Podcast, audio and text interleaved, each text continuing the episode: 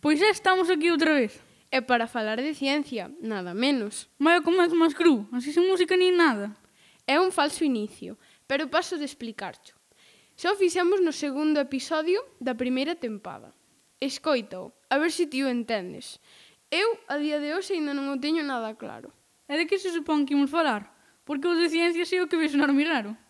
É que aprendiches? Home, pois aprendín que as cousas cando explotan, se as gravas cunha cámara super lenta, pois mola moito.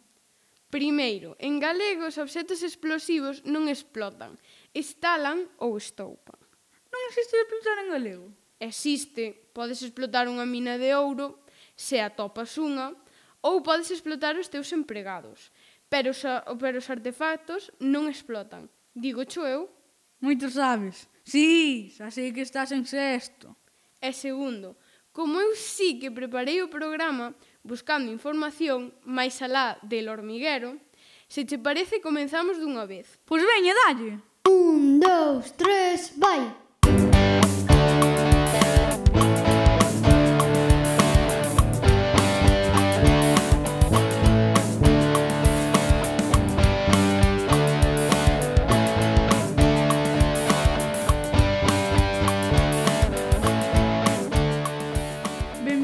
todos a un novo episodio de Lola nas ondas Onde hoxe falaremos de... Ciencia O Dicionario da Real Academia Galega define ciencia como o conxunto dos sistemas de coñecemento con obxectos e métodos de estudo determinados e baseados en leis... Ler o diccionario que te entendes por preparar o programa? Home, parece un moi xeito de comenzar. Tampouco sei moito sobre ciencia. Xa, pásame o mesmo. O bo é que temos aquí un rapaz de quinto que fixo os experimentos científicos que nos vai contar.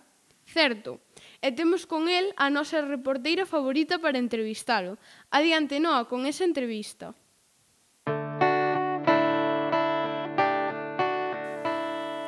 Ola Álvaro, oín por aí que os de quinto A estivechedes moi atarefados na mesa da ciencia. Ola Noa, ola a todos e todas.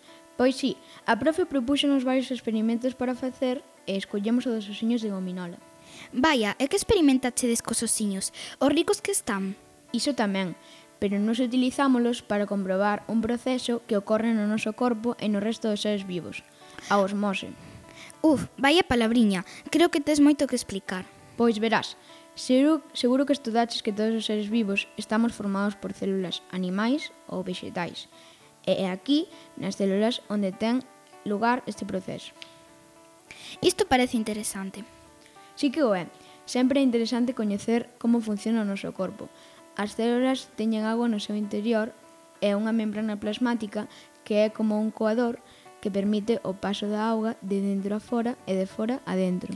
Bueno, pero para iso fará fallo un microscopio ou algo así, non? Non, porque no noso experimento a célula é o osiño de gominola. E que fixechedes coa vosa célula osiño? Pois metémolo en botes con auga con distintas cantidades de sal unha con moito sal, outra con pouco e na última non engadimos sal, é dicir, só auga. Bueno, a profe fixo máis científico, xa coñeces disolucións, soluto, disolvente, hipertónica, hipotónica, isotónica, palabriña rara xa mansalvo. Sí, sí, os profesores o vocabulario técnico. Bueno, botache desos osiños nos botes e xa está. Non, o, esperamos 24 horas para ver o que pasaba tesme en ascuas. E que pasou o día seguinte? Pois que o osiño que estaba no bote, con moito sal, encolleu e volveuse moi pequeniño. O osiño que estaba no bote, con pouco sal, medrou, quedou case igual, e o que estaba en agua, en agua soa, fíxose moi grande, o dobre do tamaño dun osiño.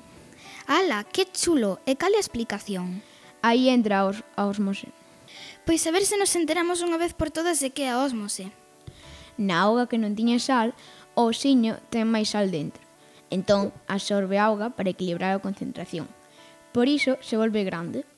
Pasa a auga do vaso adentro do osiño. No vaso que tiña moito sal, o osiño soltou auga para tratar de equilibrar a concentración. Por iso, encolle. Pasa a auga do osiño ao vaso. No vaso que tiña pouco sal, non hai variación no tamaño, porque están en equilibrio. Nin colle, nin solta auga. Vaya, pois sí que pasan cosas no noso corpo, é dicir, que as nosas células pasan o día collendo e soltando auga. É como diría Maite, o H2O é fundamental. Pero bueno, este experimento explica moita, moitas cousas. Por exemplo, por que non podemos beber auga salgada? Non sei, porque sabe mal. Ademais diso. Nin idea, a verdade é que nunca pensei. Pois porque se bebemos auga salgada, as células do noso corpo e soltarían toda a auga que levan dentro para tratar de equilibrar a concentración e encollerían, é dicir, deshidrataríanse e morrerían. Vaya, nunca pensara que sería por eso. Pois aí o tes, a resposta é a osmose.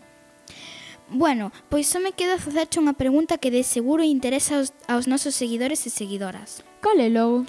Que fixechedes co resto dos osiños? Aquí íamos facer papalos, pero todo ben da ciencia. Eh. Xa me tiñan pinta de lamonciñas ese quinto, ah? Pois moitas gracias, Álvaro. Devolvemos a conexión aos estudios centrais. Pois xa sabemos algo máis. Sí, quizáis o noso experto en cine nos pode dar algún consello para chegarnos máis ao mundo científico. Supoño que hoxe nos falará de ciencia e de científicos, non é así, Manuel? Pois sí, así é. Hoxe quería recomendarvos algunhas películas infantís ou para todos os públicos, que teñen moito que ver coa ciencia e a tecnoloxía. Como máis alá da lúa, un filme de animación do 2020 para gozar en familia. Tédela en Netflix.